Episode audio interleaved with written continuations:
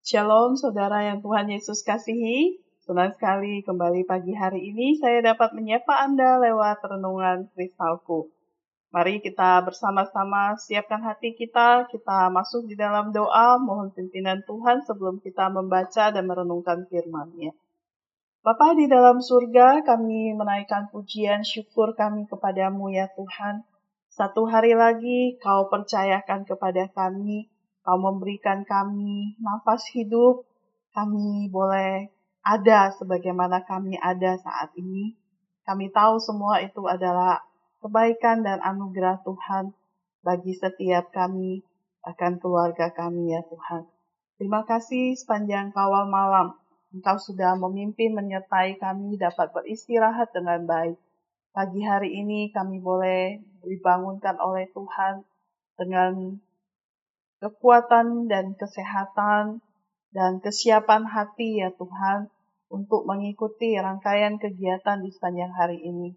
Sebelum kami memulainya lebih jauh, kami rindu tuntunan dan pimpinan Tuhan lewat kebenaran firman-Mu yang akan kami baca dan renungkan di pagi hari ini.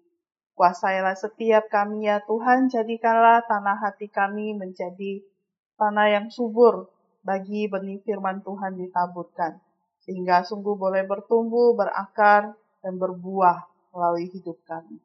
Terima kasih Bapa, demi nama Tuhan Yesus kami sudah berdoa. Amin.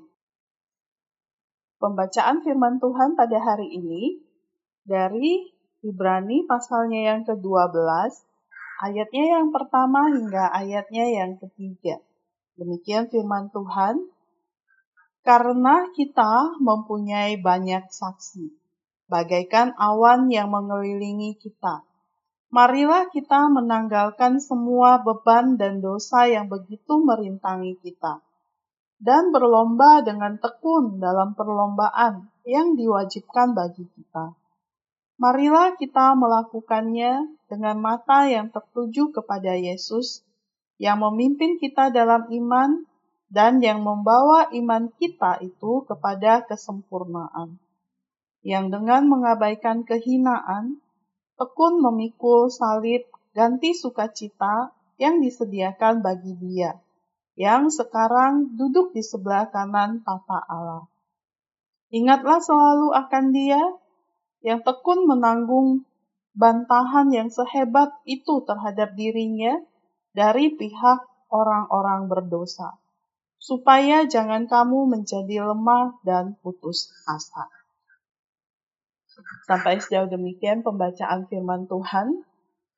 Tema renungan kita hari ini adalah perhatikan pemimpinnya. Joshua Bell, pemain biola kenamaan, memiliki cara yang tidak biasa dalam memimpin orkestra Kamar Academy of Saint Martin in the Firs yang terdiri dari 44 anggota. Alih-alih melambaikan tongkat, ia mengarahkan orkestranya sembali memainkan biola Stradivarius miliknya bersama pemain biola lainnya. Kepada Colorado Public Radio, Bell berkata, Bahkan saat memainkan biola, saya dapat memberi mereka semua arahan dan tanda yang saya pikir saat ini hanya dapat dipahami oleh mereka sendiri. Mereka memperhatikan tiap gerakan naik turun biola saya. Saat saya mengangkat alis atau cara saya menggesek biola. Mereka tahu bunyi yang saya inginkan dari mereka sebagai satu orkestra. Wah, ini sangat luar biasa, sesuatu yang sungguh tidak biasa terjadi. Sama seperti anggota orkestra mengarahkan pandangan mereka kepada Joshua Bell, uh, firman Tuhan mengingatkan kita untuk terus mengarahkan pandangan kita kepada Yesus Tuhan kita. Setelah menuliskan nama-nama pahlawan iman di Ibrani 11, penulis Ibrani berkata, "Karena kita mempunyai banyak saksi bagaikan awan yang mengelilingi kita, marilah kita menanggalkan semua beban dan dosa yang begitu merintangi kita dan berlomba dengan tekun dalam perlombaan yang diwajibkan bagi kita. Marilah kita melakukannya dengan mata yang tertuju kepada Yesus yang memimpin kita dalam iman dan yang membawa iman kita itu kepada kesempurnaan. Ibrani 12 ayat 1 sampai 2 yang kita sudah baca tadi katakan demikian. Tuhan Yesus sendiri berjanji di dalam Matius 28 ayat 20. Aku menyertai kamu senantiasa sampai kepada akhir zaman. Karena itulah kita memiliki hak yang istimewa dan luar biasa untuk mengarahkan pandangan kita kepadanya. Sementara dia mengarahkan jalan hidup kita. Oleh karena itu, saudara, ingatlah, mari arahkan pandangan kita kepada Yesus, Juru Selamat kita, Tuhan kita. Sementara Dia mengarahkan jalan hidup kita. Mari kita berdoa. Tuhan Yesus, terima kasih untuk kebenaran firman-Mu. Kiranya Engkau menolong kami supaya pandangan kami tertuju kepadamu hari ini, sehingga kami mengikuti petunjukmu dan menjalani hidup yang selaras dengan Engkau. Dengan demikian, apa yang kami lakukan dan jalani di hari ini, semua itu boleh mempermuliakan Engkau dan menyenangkan hatimu ya Tuhan. Terima kasih Tuhan Yesus. Kami doakan proses pembelajaran hari ini.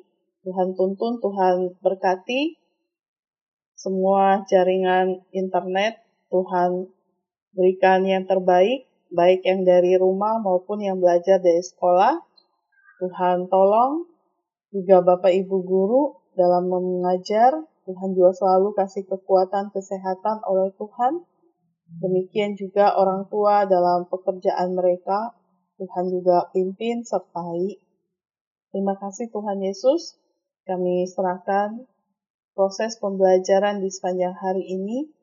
Tuhan yang memberikan hikmat untuk dapat menyerap semua pembelajaran dengan sebaik-baiknya. Terima kasih Bapak di dalam surga. Kami juga doakan untuk pemerintah kami, Tuhan memberkati Bapak Jokowi dengan seluruh staf menterinya sampai kepada para pejabat yang ada di desa-desa, di kampung-kampung ya Tuhan. Tuhan memberkati supaya semua dapat mengelola perjalanan hari ini dalam seluruh rangkaian kegiatan yang dijalani untuk mendatangkan kebaikan bagi seluruh rakyat ya Tuhan. Semua program Tuhan pimpin dalam pelaksanaannya boleh terwujud dengan baik. Terima kasih Tuhan Yesus. Ini permohonan kami, doa kami yang kami alaskan hanya demi nama Tuhan Yesus. Amin. Selamat beraktivitas di sepanjang hari ini, saudara. Bersama Yesus, aku bisa bergerak dan berubah.